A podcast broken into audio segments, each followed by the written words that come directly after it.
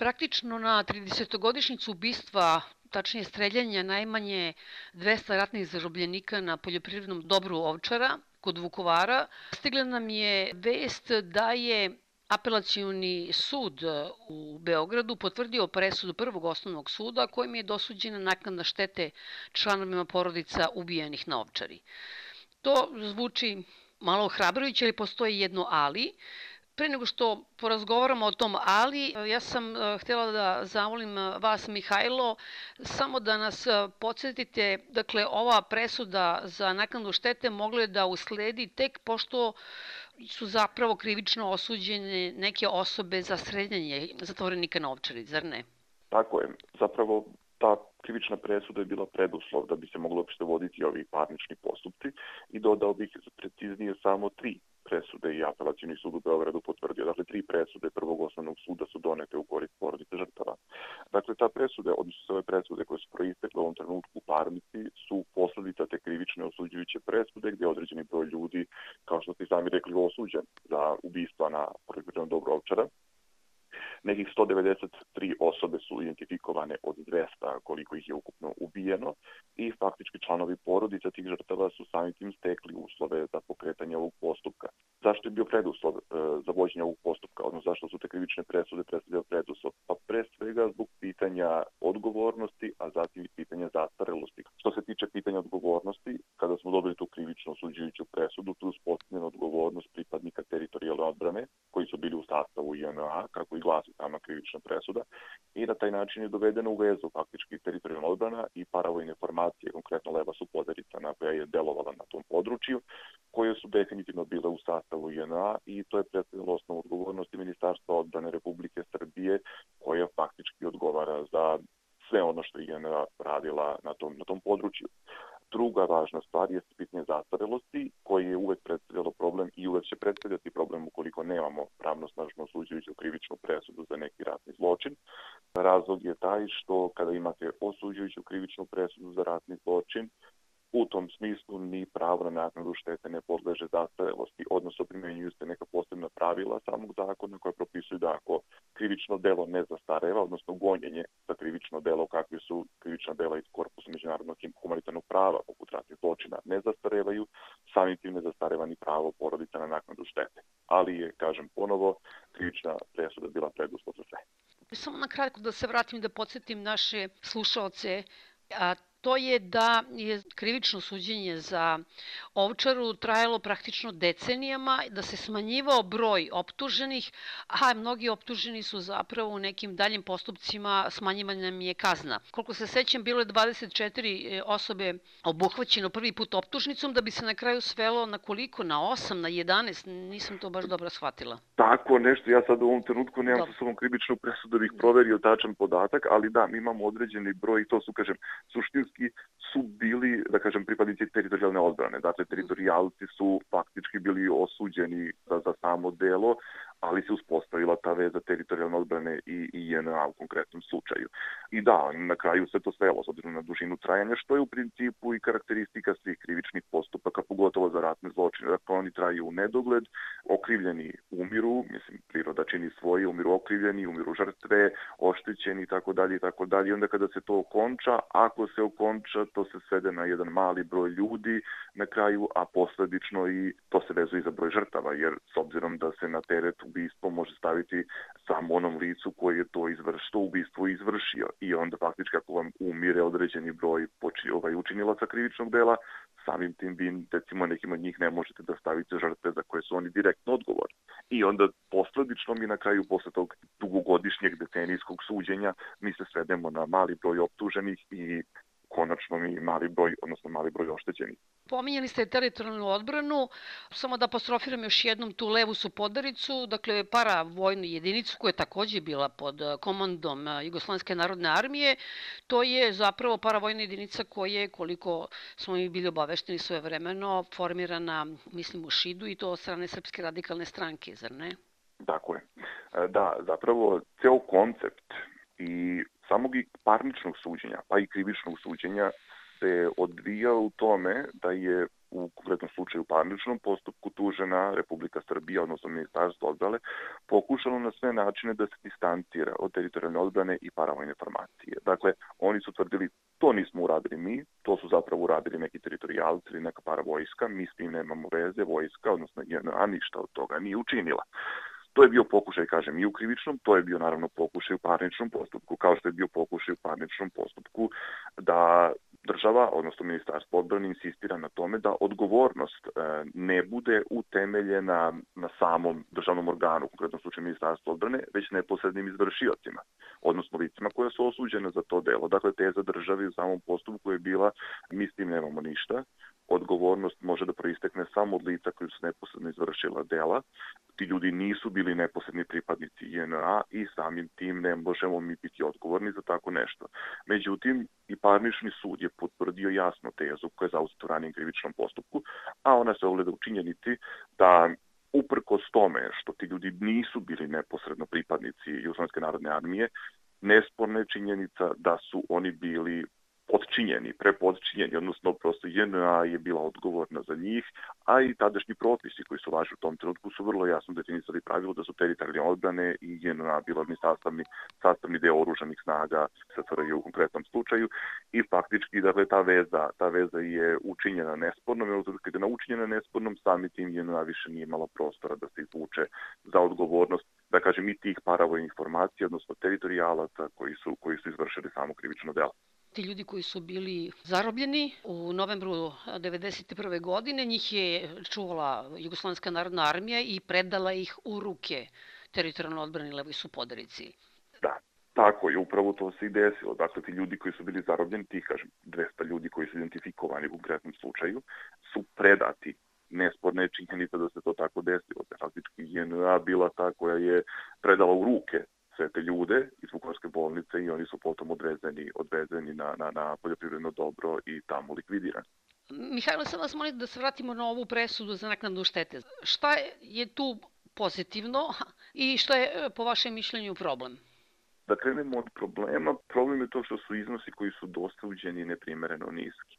Ti ljudi su dobili iznose po tužiocu u rasponu od 700 do 900 hiljada dinara. Da, tačno je da je sudska praksa u principu na tom stanovištu da u slučaju naknada štete za smrt bliskog lica dosuđuju u proseku neki iznos od 800 hiljada po tužiocu, 800 hiljada dinara po tužiocu.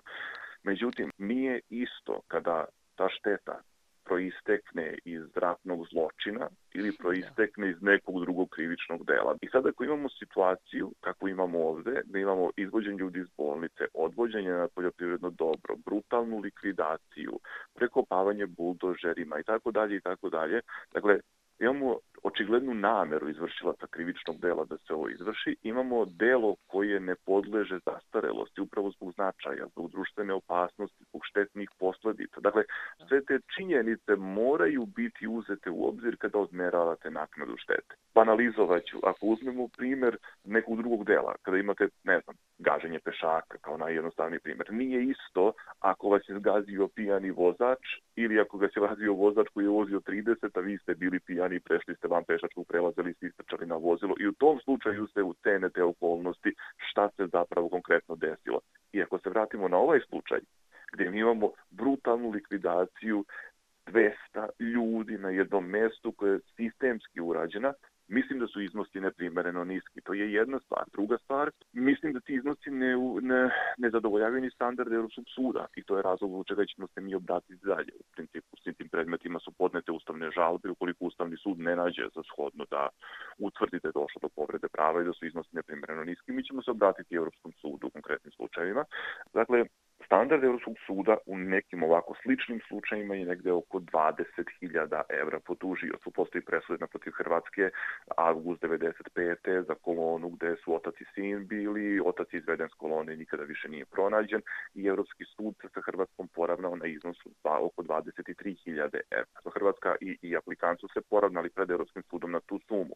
Postoji još nekoliko presuda protiv Turske i tako dalje i tako dalje u kojima su ti iznosi se kretali oko 20.000 funta funti. Tako da smo i mi iznos inicijalno postavili na 2 miliona po tužiocu. Prosto sud nije naišao na razumevanje, dosudio je te iznose i moram priznati da je prvostepenim presudama u pojedinim predmetima iznosi bili znatno viši. Recimo, jednoj od tih odluka je prvostepeni sud osudio čak milion i po dinara, ali apelacioni preinačio ispustio na nekih 800 ili 900 hiljada, ne mogu sada tačno da vam kažem, mislim da na 900 hiljada je spustio po tužiocu. Trostruko manje u stvari, je li Tako je, zapravo u odnosu na taj standard Evropskog suda mi imamo trostruko manje, trostruko manje iznos i iz tog razloga mi smatramo da zapravo tužioci nisu u potpunosti obeštećeni koliko se zapravo obeštećeni može biti u takvim postupcima.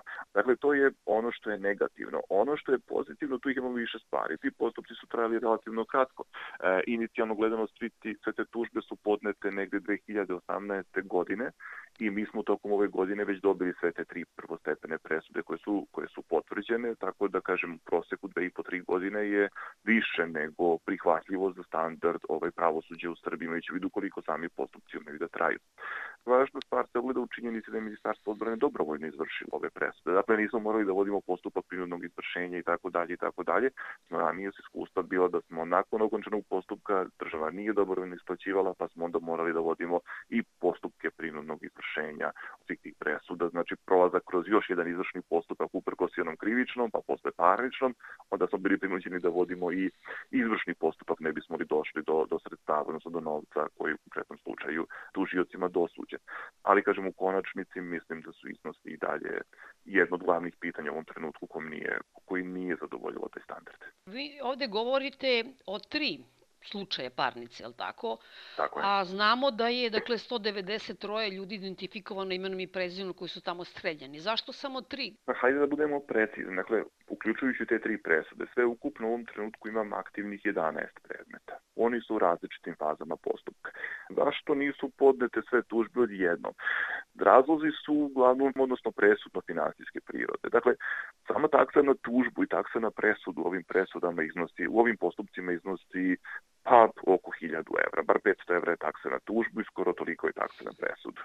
Suštinski zakon o sudskim taksama je taj koji u ovom trenutku onemogućava strankama da tako lako se opredele za postupak, jer ipak ceo sudski postupak kao i svaki drugi košta. Dakle, ako uzemo u obzir takse na tužbu, onda su tu dolasti stranaka u Beogradu da oni svedoče i tako dalje i tako dalje. Tako da sve to načelno značajno podiže i same troškove postupka i opredeljenje ljudi. Prosto ograničeni su ili limitirani nizom nekih stvari koje im u ovom trenutku ograničavaju, odnosno sprečavaju da mi pokrenemo postupak za svih 193. I poslednje pitanje, a to je sudbina onih 60 ljudi jedan autobus koji je krenuo iz vele prometa gde su ljudi bili zatvoreni pa do ovčare je nestao. Tu porodice ne mogu ništa, ali tako? Oni su više struko da. unesrećeni. I jeste, on, ti članovi porodice se dalje vode kao nestali. Mislim, njihova tela nikada nisu pronađena i ne zna se gde se, šta se desilo i tako dalje i tako dalje. Dakle, kada imamo krivičnu osuđujuću presudu za ratni zločin, ona vam pruža sve ove pa ajde da kažem pogodnosti, odnosno pruža mogućnost da ta prava realizujete nešto lakše. Kada imamo nestale, tu imamo nekoliko različitih problema. Prva stvar je što zakonodavstvo Srbije ne poznaje naknadu štete za nestala lica. Zakon o obligacijnim odnosima konkretno poznaje naknadu štete za smrt bliskog lica, ali za nestanak ne poznaje. Međutim, Republika Srbija je potpisala niz konvencija, među kojima je i ta konvencija iz nege 2011. kada je potpisana, u kojoj je predviđena mogućnost naknade štete i za nestala lica. Kako će se te stvari odvijati, ne znam. Ali ono što je ohrabrujuće, postoje presude i Evropskog suda za ljudska prava koje pružaju u osnovi, daju mogućnost za naknadu štete za nestala lica, pogotovo recimo u periodu e, invazije na Kipar, kada je niz ljudi nestaje, gubio se trag, svaki trag i nikada nisu pronađeni, pa Evropski sud utvrđiva odgovornost Turske u konkretnom slučaju uz obrazloženje da su lica koja su nestala poslednji put viđena živa u rukama pripadnika turske vojske.